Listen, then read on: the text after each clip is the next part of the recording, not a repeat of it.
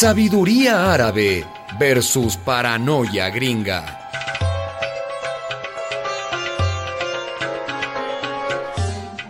Un viejo árabe vivía en Idaho, Estados Unidos, desde hacía 40 años. Quería plantar papas en su jardín, pero arar la tierra ya era un trabajo muy pesado para él. Su único hijo, Ahmed, estaba estudiando un posgrado universitario en España.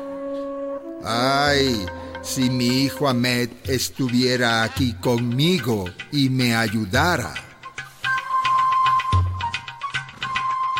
Entonces, el anciano decidió mandarle un correo electrónico explicándole el problema. Querido hijo Ahmed, me siento mal porque no voy a poder plantar mis papas este año. Estoy muy viejo para arar la parcela del jardín.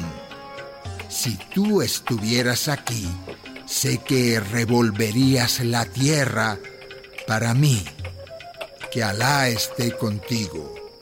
Te quiere tu papá.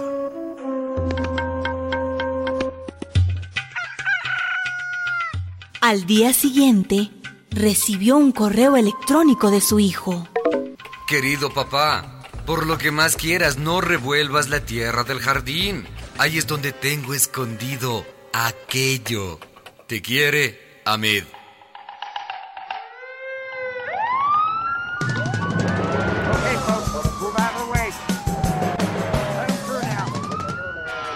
A eso de las 4 de la madrugada, aparecen la policía local, agentes del FBI, de la CIA y representantes del Pentágono que tenían intervenidos los correos electrónicos y las vías de comunicación.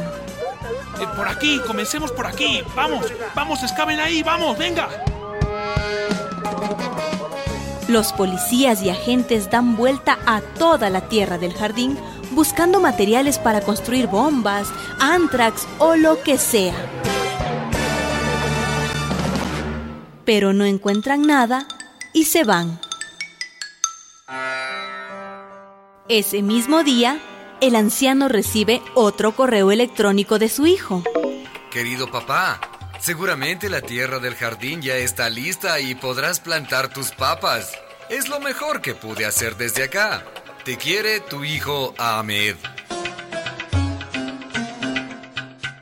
Esta anécdota está dedicada al presidente Barack Obama y a todos sus espías que se entrometen en la vida privada de la gente decente. Una producción de radialistas.net.